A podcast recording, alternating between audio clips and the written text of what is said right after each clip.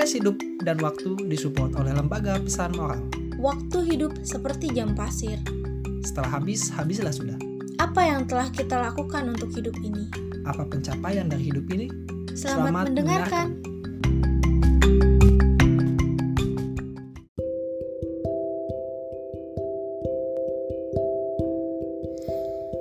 Sebelumnya kita pernah berbicara tentang harus bersyukur terhadap apa yang kita dapat. Salah satu cara melatih kita menjadi lebih bersyukur adalah dengan menerapkan untung.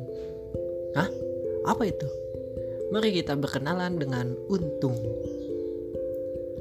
Ketika kita mendapatkan sesuatu yang tidak sesuai dengan ekspektasi kita, misalnya seperti tuntutan pekerjaan yang harus kita kerjakan 10, tapi ternyata yang kita kerjakan hanya 7. Nah, mungkin secara respon kita langsung mengeluh.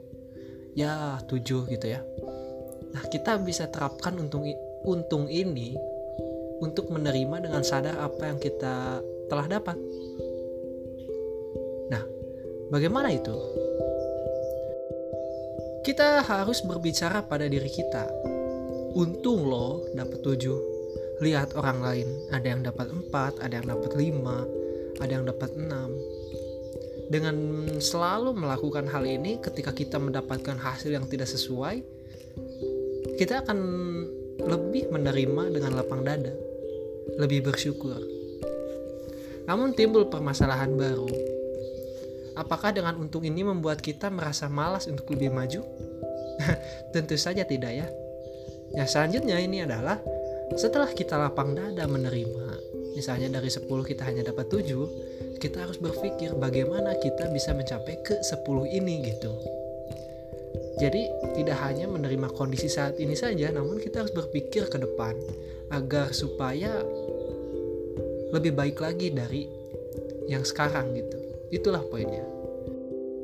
Nah, dengan kita menerima apa yang telah terjadi, maka hidup kita akan lebih fresh, akan lebih tenang dalam kehidupan.